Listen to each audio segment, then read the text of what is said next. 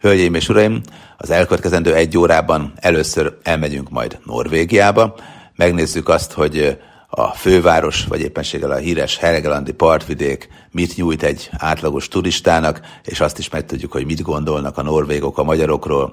Aztán a műsor utolsó részében még Kínába is elzarándokolunk, és arról is mesélek majd önöknek, hogy vajon a magyar és a kínai kínai étterem között milyen különbségeket fedeztem fel, meg hát sok minden másról is szó lesz az elkövetkezendő egy órában, úgyhogy érdemes velem tartaniuk.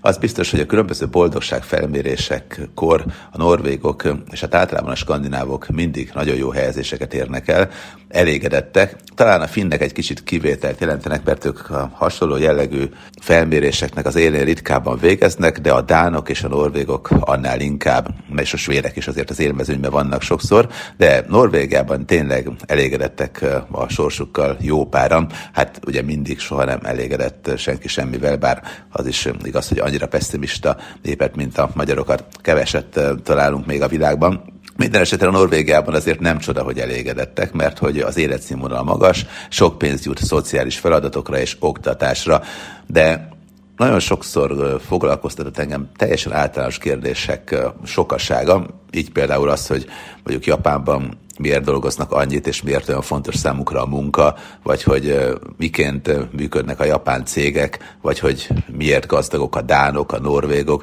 Hát a norvégok esetében viszonylag könnyű volt a megoldás, mert hogy a harcos vikingekből európai mintapolgárok lettek, de azért mindez az olajnak is köszönhető, hiszen eh, lényegében a 60-as években sőt már jóval korábban találtak olajat, de a 60-as években kezdtek nagyon komolyan foglalkozni az olajmezők feltárásával az északi tengeren, és hát megszűntek a szociális problémák. Érdekes, hogy beszélgettem norvégokkal, akik Magyarországon élnek, és ők a magyarokat nehezen kiismerhető fura embereknek tartják, akik érzelmektől fűtve beszélnek és cselekednek, Ugyanakkor Budapestet imádják, és hát pozitívan gondolnak összességében az itt élőkre. 2014 végén azt nyilatkozta az egyik norvég állami vezető, hogy Norvégiával nehéz összeveszni, de a magyaroknak ez sikerült, mert hogy ugye némi nézeteltérés volt a civil szervezeteknek szánt pénzek kapcsán, de hát a hétköznapi emberek szintjeig ez nem jutott el igazán. Én ezt követően voltam Norvégiában, és hát ha egyáltalán valaki hallott Magyarországról, Budapestről, és volt esetleg itt, akkor maximum a főváros nagyon szép típusú gondolatokig jutott el. Hát nyilván ezek azért ritkábban mennek le a közösség teljes szintjére. Minden esetre Norvégiában azért tudjuk jól, hogy a viking korszakban nagyon sok olyan dolog történt, amit mi is tanultunk történelemből. 986-ban itt született Vörös Erik például, a híres viking. A norvégok úgy tartják, hogy az ő fia volt az első európai, aki partra szállt Észak-Amerikában, tehát lényegében ő fedezte fel Amerikát, úgyhogy a norvégok fedezték fel Amerikát 500 évvel megelőzve Kolumbuszt. Egyébként ebben van valami, tehát a viking hajósok tényleg nagyon jók voltak, és az is kétségtelen, hogy a vikingek azok valóban, ugye hát Izlandra tudjuk eljutottak és letelepettek, de azon kívül Grönlandra is eljutottak, letelepettek, és minden további nélkül most már több alkalommal is bebizonyították, hogy lehetséges volt az ő hajózási technikájukkal is eljutni Észak-Amerikába. De egyébként is a norvégok mindig sokat hajóztak, mert hogy még a középkori Európában is messze elkalandoztak hazájuktól, tehát tudjuk jól, hogy Afrikáig is eljutottak, és hát, Szicíliáig. Hát ugye a norvégok, a vikingek lényegében az északi emberek, a normanok, azok meghatározóak voltak a középkorban, tekintettel arra, hogy végül is normanok uralkodtak Angliában is, normandok voltak azok, akik Normandia nevét adták, Franciaország északi területén is ők telepettek le, de még a Nápoly-Szicíliai kettős királyság is norman fennhatóság alatt állt, és nagyon sok helyre eljutottak lényegében. Hozzáteszem, a norvég, svéd, dán terület nagyon hosszú ideig personálunióban működött együtt, és hát lényegében Norvégiát és Svédországot personálunióban kormányozta ugyanaz az uralkodói család hosszú-hosszú ideig, később még Dánia is az unió része lett. A kereszténység meglehetősen későn hódított a területen, hát itt azért nehéz volt lényegében úgy hordítani, hogy valaki ezt erővel tegye tekintettel arra, hogy a vikingek mindig is erősebbek, nagyobbak voltak, és hát ugye legendásan fejszével harcoltak, és inkább ők hódítottak, mert annyira jó harcosok voltak, erősebbek, nagyobbak az átlagnál, és hát félelmetes harcmodoruk hozzá tartozott ahhoz, hogy kellőképpen megrémlítsék az akkori népességet, mondjuk akár francia területen, akár Angliában. Aztán átalakult az 1800-as években a korábbi állattartáson, földművelésen és főként halászaton alapuló gazdaság. Hát most egy nagyot ugrottam, mert hát meséket bőven mondhatnék. Hát ha valaki nézte a Vikingek című ismert sorozatot, akkor azért tényleg Ragnar Lodbrok nevét megismerhette, meg a norvég, svéd, dán dolgokról nagyon sokat megtudott meg hát az is érdekes volt, hogy milyen fura kikötött repülések voltak, hogyan harcoltak lényegében a különböző klánvezetők, nemzetségi vezetők egymással, és aztán hogyan lett végül egységes Norvégia, Harald király révén, aki lényegében a diplomácia érzékének köszönhette főleg azt, hogy az első norvég király lett, mert úgy egyébként a katonai hatalma meg a képességei is egyéb téren erre nem feltétlenül determinálták, de megvolt benne az a fajta raffinéria, meg az a fajta diplomáciai érzék, amivel lényegében minden további nélkül győzött a szavazáson, ami eldöntötte, hogy ki legyen a norvég király. Vasbordájú Björnt megverte, pedig ő Ragnar Lodbrok fia volt. Úgyhogy nagyon érdekes az egész norvég történelem. De minden esetre most mondom, ugrottunk egyet, hiszen az 1800-as éveknél tartunk már, mert hogy ekkor volt egy komoly gazdasági átalakulás Norvégiában. Addig állattartás, földművelés, halászat volt a jellemző, meg hát persze ugye a középkornak az első részében 600, 700, 800 körül meg a kalandozások, mert hogy itt ugye portyázásnak hívták azokat, amikor elmentek szépen kifosztani idegen területeket. De ha már egyébként itt arról beszélünk, hogy hát szinte mindenki viking, mindenki norvég, az angol uralkodó családot nagyon hosszú ideig ugye norman uralkodók alkották, de hát ha megnézzük a kievi rusz is lényegében egy viking alapítás, úgyhogy lényegében szinte mindenhol, ahol megtelepettek, utána át is vették a hatalmat, óriási hatása volt a középkori Európára a vikingeknek, vagy hát a norvégoknak.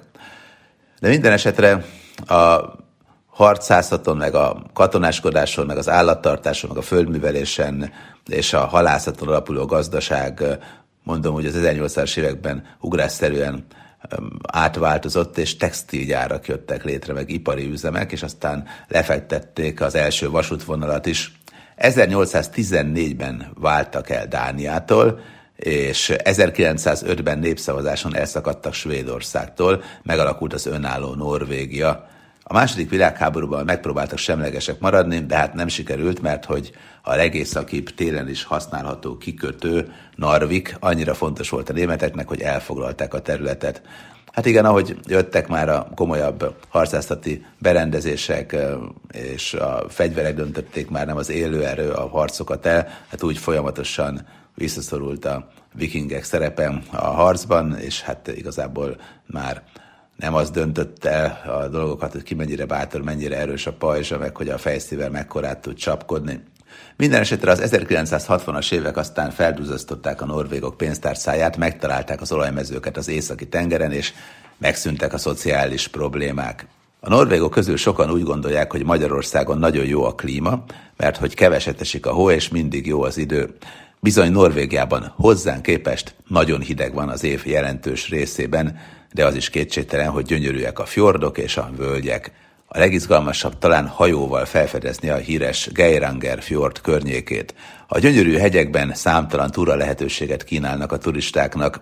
A legszebb, a tengerszint felett több mint ezer méterrel húzódó útszakasz Jotunheimen környéke. Kongsberg városát is itt találjuk, a régi ezüstbányájáról híres. Helgaland partvidéke pedig nagyon-nagyon érdekes. Mindenképpen érdemes bérautóval végigutazni itt, elképesztő fjordokat képzeljenek el, tengeri madarak röbdösnek errefelé, furcsa sziklaképződmények vannak, és hát hatalmas hegycsúcsok egymás után. Nem véletlen, hogy nagyon sok mese kötődik ehhez a területhez, Helgeland partvidékéhez. A fővárosban, Oszlóban modern épületeket, színházakat találnak, és profi tömegközlekedést. Azt tapasztaltam, hogy minden pontosan indul, az autóbuszokon van hely, a járatok nem késnek. Téren is jártam Norvégiában, gyönyörűen ki van világítva a város, ami egyébként nem csoda, mert hogy majdnem egész nap sötét van, két-három óra kivételével. Míg télen hideg és sötét van, addig nyáron még éjjel 11 órakor is könyvet olvashatunk a szabadban. De igazából még ilyen klasszikusan nagy sötétség nyáron egyáltalán nincsen. Itt dolgozó norvég interjú alanyom sajnálja a magyar dolgozókat, mert hogy korán meghalnak. Szerinte ennek az az oka, hogy mindig idegeskednek valamin, de hát valószínűleg téved egyébként, mert nemrég olvastam egy könyvet, a Massachusetts kutatók 20 évig dolgoztak azon, hogy megfejtsék, hogy ugyan már mi a hosszú élet titka, elmentek és interjúkat készítettek, kutatásokat végeztek Japánban, ugye Okinawa szigetén, Szardinián, mert hogy Európában ott élnek a legtovább, Szibéria egyes területeire, és vizsgálták, hogy mitől. Hát nagyjából az jött ki, hogy 25% genetika, 50% meg az, amit megeszel, tehát az, hogy friss élelmet kell enni és fogyasztani, és hát 25% pedig az, hogy nem szabad abba hagyni ideje korán a munkát, hanem valamivel mindig el kell, hogy üssük az időt, tehát nagyon sokan nyugdíj után egész egyszerűen az egészségük szétesik azért, mert hogy kiürül szinte a naptáruk biológiai értelemben is, és ez gondot jelent a kutatók szerint. De hát nyilván fontos azért persze az is, hogy ne stresszeljünk, de hát ha valaki stresszel, akkor a japánok azok stresszelnek, és hát Okinawa szigetén pedig a száz éveseknek külön naptárt csinálnak minden évben. Nem csinos hölgyek, hanem a száz év fölöttiek kerülnek a helyi naptárra. Norvégiát egyébként 4,5-5 millióan lakják, a királyságban a nők átlagos élettartama csak nem 83 év, és folyamatosan növekszik. Hát lehet, hogy a hidegnek is köszönhető egyébként. Minden esetre magasak a fizetések, kicsi a munkanélküliség, alacsony volt a bűnözés, hát most azért már kicsit növekszik ez, ugye azért az utóbbi időben. Nagyobb természeti katasztrófák egyébként nincsenek. Nemzetgazdasági szempontból ugyan mindent megoldanak az olajbevételek, mégsem csatlakoztak a bálnavadászatot tiltó egyezményhez, Magyarország egyébként igen, hogy az ebből élő falvak lakói továbbra is gyakorolhassák az ősi mesterségüket, úgyhogy a norvégok is elvileg vadászhatnak bálnára bizonyos területeken, bár a japánok azok, akik ezt még komolyabban is veszik. Budapesten a japán és a norvég turista ebben egyetért minden olcsó, úgyhogy nem csodálkozom, hogy a norvég árszinthez képest ezt így látták, és így látják most is, mert hogy rendkívül drága nekünk minden Norvégiában, hát Oszlóban bementünk egy étterembe négyen, és durván 100 ezer forintnyi összeget fizettünk úgy, hogy ettünk egy levest, meg valami főételt, és hát ugye remegő kézzel vettem elő a bankkártyámat.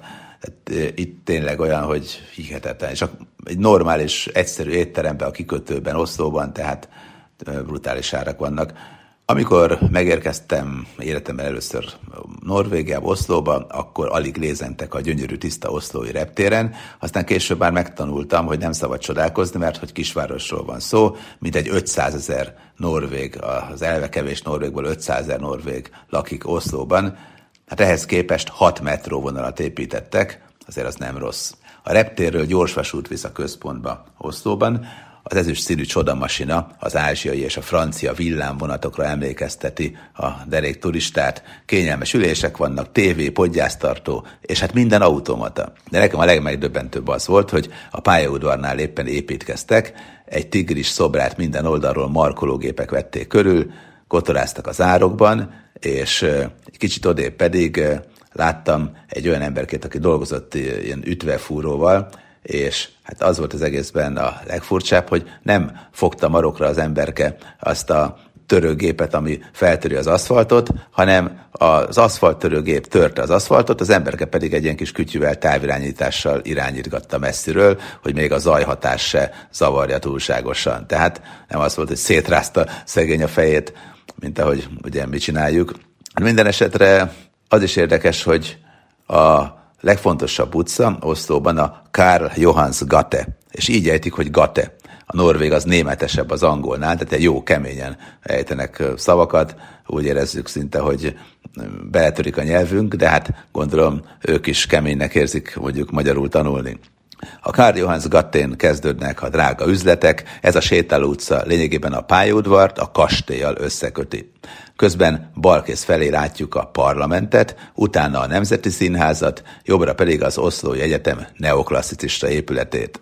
Nagyjából 40 perc, és láttuk Norvégia szívét.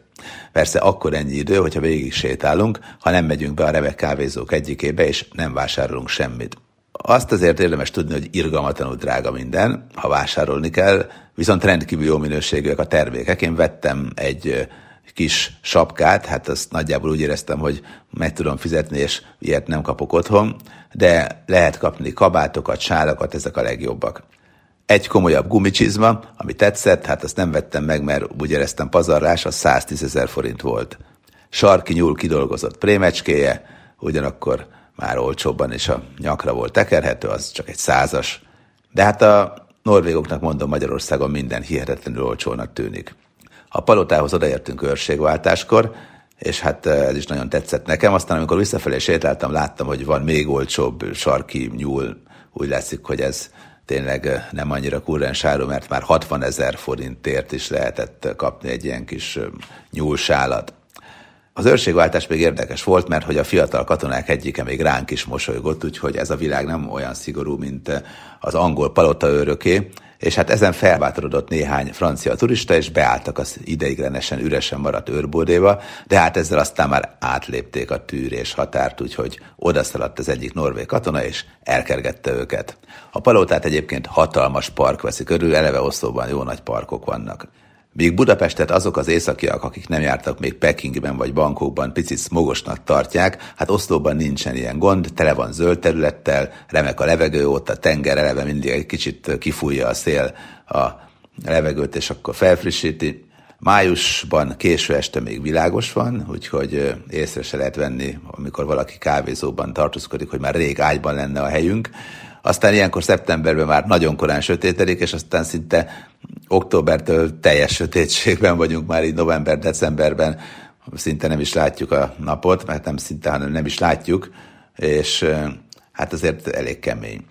Érdekes, hogy voltam egy olyan kávéházban, ami egyben étterem is volt, meg diszkó is, és a belső terme tengerpartot formázott nyugágyakkal, hintákkal, meg szörfösökkel, Hát mondjuk nyáron is jobb itt fürödni képzeletben, mint a 7 fokos tengerben, de úgy egyébként az volt az érdekes, hogy mondták, hogy hát ide jönnek, hogyha nem tudnak vagy akarnak elmenni valami meleg tengerre egy hetet legalább pihenni itt a nagy, sötét norvég éjszaka közepette, és akkor úgy érzik, hogy itt van a tengerpart. Hát mondom, jól van. A norvégok szerint a magyar ételek túl zsírosak és kevés a halétel, Oszlóban más a helyzet. Egyszer betértünk egy olyan helyre, ahol ezernyi régi csecsebecse ékesítette a mennyezetet, volt ott régi babaház, bicikli, hinta, fakutya, az is mondom, föl volt függesztve egy a plafonra, nem viccelek, kishajó, még felsorolni is fél óra lenne a sok dolgot. A falakat meg régi iskolás könyvek részletei borították, meg híres plakátok, úgyhogy elég kemény munka lehetett összeszedni.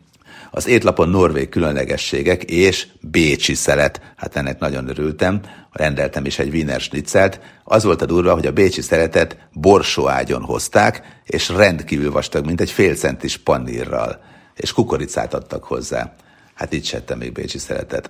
De olyan drága volt, hogy tudtam, hogy meg fogom menni, még hogyha vasból van akkor is. Jóval finomabb volt egyébként, mert mikor másnap ettük talán a mustáros hering, viking hagymával, ez az étel. A heringet jellemzően négyféle módon készítik el, főleg előételként fogyasztják, bár ettem már ilyet reggelire is. A legfinomabb a mustáros hering, aztán utána szerintem a majonézes hering, de kínálnak paradicsomos heringet, meg eszetes heringet is. Ez utóbbi csak akkor jó szerintem, ha nem túl édes az ecet, mert ők azért édes ecetet is vesznek hozzá, és hát édes ecettel hering, hát az nem az én világom. Mindenesetre az oszlói éttermek tényleg nagyon jók, csak egy dolog rendkívül idegesítő, amikor hozzák a számlát, és hát az amúgy is nagynak tűnő összeget még meg kell szorozni, hogy átszámoljuk forintra egy brutális szorzószámmal, úgyhogy hát ez a kétszeres dolog, ez már egy nagyon tud feszélyezni. Végig ezen gondolkodom, miközben eszem, hogy most futja még két kólára. Hát tréfát félretéve, bár annyira nem is tréfa, hogy azért a norvég élelmiszerek frissek, tényleg, tehát fontos az, hogy mindig frisseket esznek, tehát én ott most azt gondolom, hogy az éttermekben nem is ettem olyat, amire azt mondtam volna, hogy na ezt most a fagyasztóból hirtelen előkapták, tehát mindennek olyan érzete volt, mint hogyha valóban a reggeli halászati piacról hozták volna, és akkor addig ott nem tudom, uszkált valahol a kedves kis hering. De hát biztos, hogy azért nyilván ők is használnak frigidert, bár amilyen hidegek vannak így december, novemberben, hát nem kell túlságosan sok pénzt erre áldozni. Bár hozzáteszem, egy ismerősöm mesélte, hogy ők nagyon-nagyon éjszakon laktak valami kutatóállomáson, és mondták, hogy hát mindig szóltak, hogy hozzanak frigidert, mert nem akartak nehéz frigidert venni, és akkor mondtam, hogy oké, okay, de minek kellett nektek frigider, hát kint mínusz 20 fok van majdnem mindig. Hát mondták, hogy pont ez a baj, hát a frigider azért kell, hogy ne fagyjon ennyire meg, csak picit, mert nem tudják kiolvasztani könnyen. Úgyhogy Oszló is érdekes volt, a kikötő a második központja Oszlónak, és hát vannak modern bevásárlóközpontok, és így a kikötőben is akad egy modern bevásárlóközpont, ahol vannak éttermek. Nekem az még furcsa volt, hogy a hidegben is kiültek a norvégok, az emberek a teraszokra, és észrevettem aztán, hogy hatalmas rejtett fűtőtestek ontják a meleget. Picit drága megoldás, de hát egyszer élünk, hát itt aztán tényleg van kőolaj, földgáz, még Európa is abban bízik, hogy majd a norvégoktól még pluszban szerez valamit, és hát élvezzük persze a friss levegőt, úgyhogy az ételek árába beépítették ezt a szolgáltatást, emiatt nagyon sokáig, amíg a, már lényegében este van, akkor is kint üldögélhetünk a teraszon, ilyenkor szeptember, október, november idején is, és hát mégis kellemesen érezzük magunkat relatív. A norvég barátom azt mondta, hogy a magyar lakások meg a magyar házak viccesen olcsóak, hogy mennyire olcsó egy budapesti lakás egy norvégnak, arra eh, példaként ideírom azt az összeget, eh, amelyért az oszlói kikötő modern épület komplexumához tartozó lakás megszerezhető, hát 500 millió és 1 milliárd forint közötti, ezért merész tervezésű, ízléses pici otthont kínálnak a beruházók. Továbbra is Norvégiában járunk, és a Big Doy-ban. Oszlónak az elit negyede, a rózsadombja, hát mondjuk hajóval lehet a kikötőből 10 perc alatt nagyjából ide átjönni, és a Viking hajók múzeumát találjuk itt. Itt van például a 22 méteres Ózeberg csatahajó, ez egy nagy erős csatahajó volt, 30 evezős hajtotta, a 24 méteres Gokstát pedig ünnepi hajó volt, vagyis inkább szép, mint erős lehetett, és hát jóval kevesebb evezős fért oda jobbra meg balra, de hát nem is csatába vitték, hanem amikor valamit ünnepeltek, vagy például a portyázás sikeres volt, hazajöttek, akkor itt kiállították a hajón a hozott rabolt dolgok egy részét, és akkor ezt mindenki megcsodálhatta, meg hát egyéb ünnepségekre is használták. Minden esetre ez is egy érdekes, de ha tovább megyünk Big Doy másik hajóállomására, akkor is érdekes dolgokat láthatunk még, mert hogy itt van két újabb múzeum. Az egyik bejáratánál egy kitömött jegesmedvével lehet fényképezkedni, bent pedig északi csodák várják a látogatókat, például jégtörőhajó. Aztán van kismedve, van nagymedve és rengeteg szánkó. A másik múzeum pedig a híres Kontiki, Kontiki volt a neve annak a tutajnak, amelyet Thor Heyerdahl, norvég néprajzkutató és felfedező megépített, és 1947-ben híres expedícióra indult, és akkor ezzel a Kontikivel indult útnak, mert hogy az utazással Heyerdahl a gyakorlatban bizonyította be, hogy a történelem előtti időkben primitív eszközökkel is lehetséges volt átkelni a csendes óceánon Dél-Amerikából Polinéziába. Ugye hát ezt már mondtam önöknek a műsor első felében, hogy hát a norvégok szerint ők fedezték fel Amerikát, a vikingek már lényegében Kolumbusz előtt 500 évvel jártak Amerikában, és ezt is bebizonyította lényegében Heyerdahl, de még korábban is át lehetett utazni szerinte, úgyhogy nem azt nézte meg, hogy a viking hajókkal át lehetett utazni, mert ezt tényként kezelte, hanem azt vizsgálta, hogy még előtte, jóval-jóval korábban lehetett élő kapcsolat Észak-Amerika és a, a későbbi viking területek között, és hát lehetett persze, ez szerint. Mert hogy az expedíció Peruban kezdődött, ahol spanyol hódítás korabeli képi ábrázolások és dél-amerikai őslakosok szájhagyománya alapján Heyerdahl és öt társa megépítette a tutajt, és 1947. április 28-án aztán elindultak Kajau kikötőjéből, és 101 napos utazás után érkeztek meg augusztus 7-én a Tuamotu szigetcsoporthoz tartozó Raroja korral szigetre. 8000 kilométeres utat tettek meg, és hát bebizonyították, hogy a tutaj és az alkalmazott régi módszerek sokkal tengerállóbbak, mint a tengerészeti szakértők ezt hitték, tehát nem csak mi tudunk itt most tengerész csodákat csinálni, meg hát nem is biztos, hogy ezek akkora csodák, mert ugye a Titanic is elsőjezthetetlennek indult. Mindenesetre ezek a régi dolgok, ezek így beváltak, és hát amellett, hogy bebizonyították, hogy el lehet jutni ősi hajóval is hatalmas távolságokra lévő egyik területről a másikra, amellett az expedíció számos megfigyeléssel, tudományos eredménnyel is gazdagította az ismereteinket. Nagyon sok korábban nem ismert halfajta, meg állatfajta azonosítottak, de teszteltek is az amerikai hadsereg számára a tengeri túlélő felszereléseket és élelmiszereket. A Kontiki mellett rögtön a bejáratnál egyébként van egy másik hajó is ebben az Oszlói Múzeumban. Ez a Ré 2 papíruszból készült, az utolsó 1978-as Heyerdahl expedíció hajója a Tigris az elpusztult, mert hogy felgyújtották egy afrikai háború elleni tiltakozásul, viszont láthatunk erről felvételeket a múzeumban. Itt eh, van még egy polinéz labirintus, lehet bolyongani egy kicsit, aztán az alaksorban tengeri állatokat láthatunk, van egy 6 méteres műcápa, hát elég félelmetesre sikerült eh, a szeme, ebbe minden kisgyerek beleborzong. Ha már a múzeumokról meséltem itt önöknek, ugye itt a Big Doyban, az osztói Rózsadomban, az osztói Elit negyedben, itt három múzeumról is meséltem. Ugye van a Viking hajók múzeuma, a Kontiki, meg van egy harmadik is, tehát bőven találunk múzeumot, de egyébként az átlagos európaihoz képest a norvégok sokkal többet járnak múzeumba, hogyha Budapestre látogatnak, és hát nem véletlenül, mert hogy Oszlóban is sok múzeum van, és itt is sokat járnak múzeumban tehát nem csak a norvégok, hanem a turisták is, bár a norvégok rendkívül szeretik ezeket a tárlatokat, már ahhoz képest, hogy manapság Európában melyik múzeum mennyire népszerű. Oszló egyébként lehetne a múzeumok városa is, mert hogy tényleg van egy tehetséges művész, már csinálnak neki egy tárlatot. Olvastam a helyi műsorújságot, van egy múzeumok fejezet, hát mindennek van múzeuma. Van filmmúzeum, technikai múzeum, Építészeti Múzeum, Népművészeti Múzeum, Palack Múzeum, Természettudományi Múzeum, hát úgyhogy annyi múzeum van itt Osztóban, mint amennyi csokit ismer Gombolsz Artúr. Van a Norvég focinak is múzeuma, hát éreztem, hogy ez egy picit már szerintem talán túlzás, főleg amikor az 50-es évek legendás norvég sztárjait taglalták. Hát én nem egészen ilyen nagy sztároknak gondolnám az 50-es évek norvég focistáit, de hát minden esetre ilyen is van. A híres írónak, Ibsennek az életét pedig egy róla elnevezett kiállító központban lehet megnézni, és hát természetesen világhírű galériák is vannak még. A norvégok tényleg múzeumok készítésében és építésében és menedzselésében valóban profinak számítanak. De hát tudjuk jól, hogy ha valaki azért mondjuk így azt mondja, hogy tervezek egy utat, akkor azért arra ne számítson, hogy napsütéses órás sokaságát fogja eltölteni majd az elkövetkezendő időkben, hanem inkább egy nagy sötétségre gondoljon. Érdekes, hogy még azért Finnországban ebben az időszakban, meg a svédeknél is, de főleg a finneknél is, hát tényleg annyira sokan isznak alkoholt, hogy brutális, és hát elmennek, és különböző alkoholtúrák vannak Észtországban, meg oda, ahol még korlátozás nélkül lehet alkoholt kapni, mert hogy a finneknél ugye vannak korlátozások.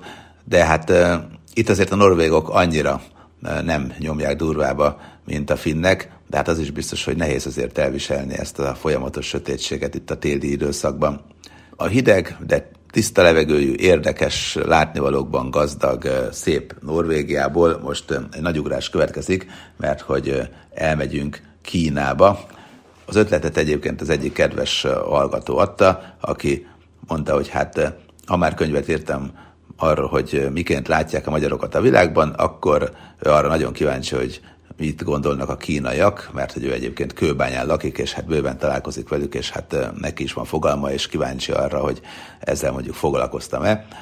nem csak, hogy ezzel, hanem nagyon sok olyan emberrel is beszéltem, aki kapcsolatban áll itt élő kínaiakkal, Magyarországon élő kínaiakkal. Például egy kedves ügyvéd barátom azért tanult meg viszonylag jól kínaiul, mert nagyon sok kínai ügyfele volt, és ő egyébként nyelvzseni, mert ugye vannak olyanok, akik sokkal könnyebben tudnak nyelveket tanulni, mint egy átlagember. Lomb Kató is ilyen volt például, meg hát sok más híres nyelvész, tehát ez az én kedves ügyvéd barátom is ilyen, és hát ő azért elmondta, hogy körülbelül mit gondolnak rólunk, meg mit gondolunk mi, meg hogyan viszonyulnak ezekhez. Tehát ők például tömbekben, ugye kínai negyedekben szoktak lenni, és egyébként igénylik azt, hogy egy kínai orvos legyen, kínaiul beszélő ügyvéd legalábbis, ha már kínai ügyvédhez nem tudnak fordulni a jogszabályok miatt, meg hát a benzinkuton is a kínai feliratot, és nem véletlen az, hogy viszonylag koncentrált helyen kezdtek el egy időben Magyarországon lenni, és hát ugye akkor azt mondták, hogy 60 ezer kínai él Magyarországon. Nem tudom, hogy most vajon mennyi a szám, hiszen sok idő eltelt azóta, de a 90-es évek végén rengeteg kínai érkezett Magyarországra, aztán sokan továbbáltak nyugatra, de Józsefváros meg Kőbánya környékén még mindig láthatunk sok-sok kínai feliratot, és hát vannak olyan lakóházak például, ahol csak szecsuániak élnek, és ők azért kantonok szerint is sokszor így különülnek egy picit, bár ezt mi nem érezzük. Érdekes egyébként, hogy voltam egy kínai tárgyaláson Kínában, és az, tett, azt csinálták, hogy ilyen kis cetlikre írogatták a dolgokat, és akkor megmutatta az egyik cetlit az egyiküknek, és meg a többieknek, és akkor még egy cetlit írtak, az is megmutatta, és hát nem értettem, hogy hát most miért írogatunk, amikor ott üldögélünk egy légkondis szobában, és hát kiderült, hogy amikor ők egymás között akarnak beszélni, az írást azt mindenki megérti, de egyébként nem tökéletesen értik a viszonylag távoli nyelvjárásokat, tehát ugye volt, aki mandarin nyelven beszélt, és volt, aki nem, tehát a mandarint azért nagyjából mindenki megérti, de így egyszerűbbnek tűnt, hogy ne értsenek félre semmit se, hogyha leírták. Kínában egyébként keveset hallottak Magyarországról, de azért szerepelünk a híradásokban mostanában viszonylag többet. Van Kínában egy Hun falu, és a helyi turisztikai vezetők abban bíznak, hogy Skanzen-szerű hely majd a magyar látogatókat majd előbb-utóbb vonza, ha egyáltalán a koronavíruson most túllendül Kína, mert hát még mindig azért kőkemény előírások vannak, és hát a helyek is rettegnek attól, hogy gyakorlatilag ha találnak egy plázában egy koronavírusossal érintkezett valakit, akkor az egész plázát, az egész környéket rosszabb esetben az egész város lezárják, és akkor lehet menni karanténba. A kínai kormány egyébként magyar nyelvű rádióadót is üzemeltet, úgyhogy panaszra nem lehet okunk a tájékoztatás illetően. Aki már járt nálunk, kellemes élményekről számol be. Szép a főváros szerintük Budapest, érdekesek az ételek, érthetetlen a nyelvük már nekünk, gondolják a kínaiak, az itt élő kínaiak főleg egymással üzletelnek, kivéve persze a kiskereskedőket, de egyébként is jellemző rájuk, hogy negyedeket alakítanak ki, ez még kint is így van. Összetartóak viszonylag, meg a család nagyon fontos, és hát sokan tudják ugyan, hogy adózni kell. Ami őket itt Európában sokkolja, az, hogy milyen fajta engedély és milyen sokféle engedély kell. Hát azért hozzáteszem, hogyha valamit Kínában akarunk, akkor ott is azért oda kell figyelni mindenre.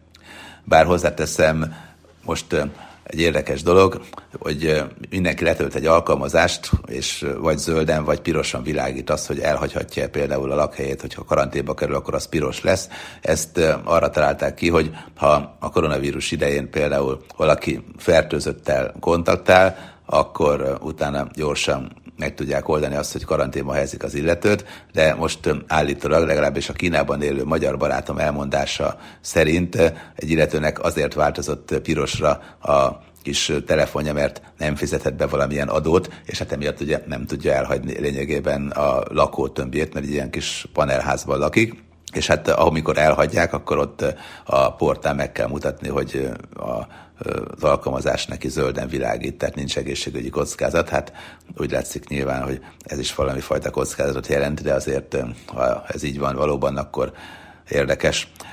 A Magyarországon élő kínaiak esetében, hogyha talál egy kínai alkalmazottat, akkor kínai alkalmazottat vesz fel, mert hogy a magyar munkavállaló sok kínai szerint túl önérzetes, Hát a kínai üzleti kultúra egyébként más, mint az európai, sokkal gyakorlatiasabb, hogyha egy szerződést aláír egy kínai, de az már nem jó neki, akkor eszágába sincs tovább teljesíteni, nem is érte, hogy miért akarják erre a szerződés lejártáig rákényszeríteni mondjuk a, a átlag kínai kiskereskedők közül, tehát ott más, más gondolnak erről. Hát a szerződésnek a keretei megváltoztak, akkor írjunk egy új szerződést. Hát, ha nekem az nem lesz jó, akkor most csak azért, miért csinálok bármit is. Úgyhogy ez végülis a józanész szerint is lehet, hogy e felé kéne elmenni, de nyilván a római jog az meg más alapokat teremtett. Egy kínai ismerősöm mesélte, hogy ő gyakran úgy tesz itthon, Budapesten, mint hogyha nem értené, hogy mit akar tőle a magyar hatóság vagy a partner, és hát ez a módszer sokszor beválik, és inkább békén hagyják a végére. Egy másik kedves kínai kereskedő interjúlanyom elmondta, hogy hát ő megtalálta a számítását Budapesten, mert hogy bármilyen minőségű árut el tud adni, olyat is, amit Kínában már nem vennének meg, mert túlságosan gagyi. Itt viszont számít, hogy rendkívül olcsó filléres. Minden esetre Érdekes, hogy szerinte ez igaz az kínai éttermekre is, mert hogy itt azért minél olcsóbban ki kell hozni az ebédet, azt tetszik, a többi azért annyira nem mindenkit érdekel. Érdekes, hogy akiket megkérdeztem, itt dolgozó kínaiakat, azt mondták, hogy szerintük a nagy, nagyon-nagyon pozitív volt, amit itt Magyarországon tapasztaltak, mert hogy rendkívül ötletesek vagyunk, és hát tényleg nagyon jó barátokat szereztek, nagyon sokan, akiknek a gyerekük iskolába járt, lényegében sok-sok barátot szerzett. Érdekes, hogy kettő dolgot emeltek ki. Az egyik, hogy szerintem hát sokat panaszkodnak a munkavállalók, meg hát nem tudnak eladni, mert hogy Kínában jó sok magyar kereskedő éhen halna, mert hogy nem figyelnek a vevőre, meg hát nem elég kitartóak szerintük. És hát mondta a kínai interjú alanyom, hogy hát egy kínai, hogyha be kell futtatni az üzletet, akkor ott alszik az ügységes a pult alatt, és századszor is megpróbálja leszólítani a leendő ügyfelet. A sankai utamon egyébként láthattam is, hogy ez tényleg így van, tehát ezt véresen komolyan veszik. Persze azért hozzá kell tenni, hogy Kínában a munkaerő rendkívül olcsó, és hát valóban az ottani munkaerő, munkastílus az teljesen más. Hát ott ugye eleve 9 órát dolgoznak egy nap, és egy héten 6 napot dolgoznak. Tehát egy szabad nap van, és ugye 9 órát, ez már eleve jóval keményebb világ, mint amit mi itt megszoktunk.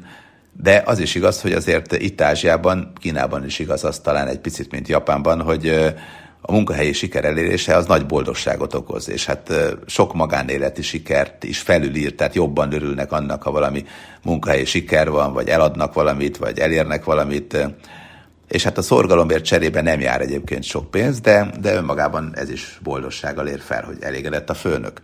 Hozzáteszem, egyre több a kínai milliómos, sőt milliárdosok is vannak. Itt azért nagy a társadalmi szakadék, és hát érdekes az, hogy a hölgyek közül a középosztályban a keresetük jelentős részét ruházkodásra költik, és hát tényleg van miből válogatni, és válogatnak is, úgyhogy végig sétálni egy csankai főutcán, amikor éppen nincs koronavírus járvány, hát olyan volt így tudom, 2015-ben, hogy úgy éreztem, mintha egy Monstre Divot bemutatón vennék részt. 18 millió lakos Sankhaj, tehát nagyon komoly és akkor még nem számoltam az agglomeráció egy részét. Úgyhogy a város soha nem néptelen. Sokan biciklivel vagy taxival közlekednek. A fuvarozás is olcsó egyébként, tehát gyakorlatilag a város központi részét fillérekből viszonylag be lehetett barangolni.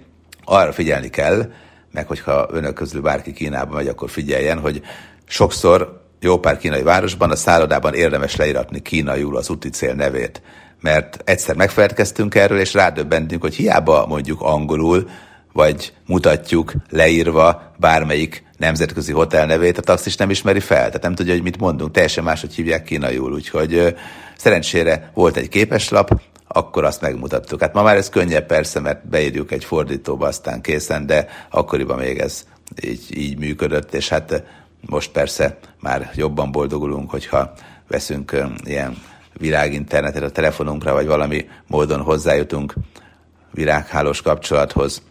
Sankhaj büszkesége a mágnes vasút, a németek által tervezett szupervonat 400 kilométeres óránkénti sebességre képes, és a repülőtérről a városközpontban 8 perc alatt beviszi az utasokat.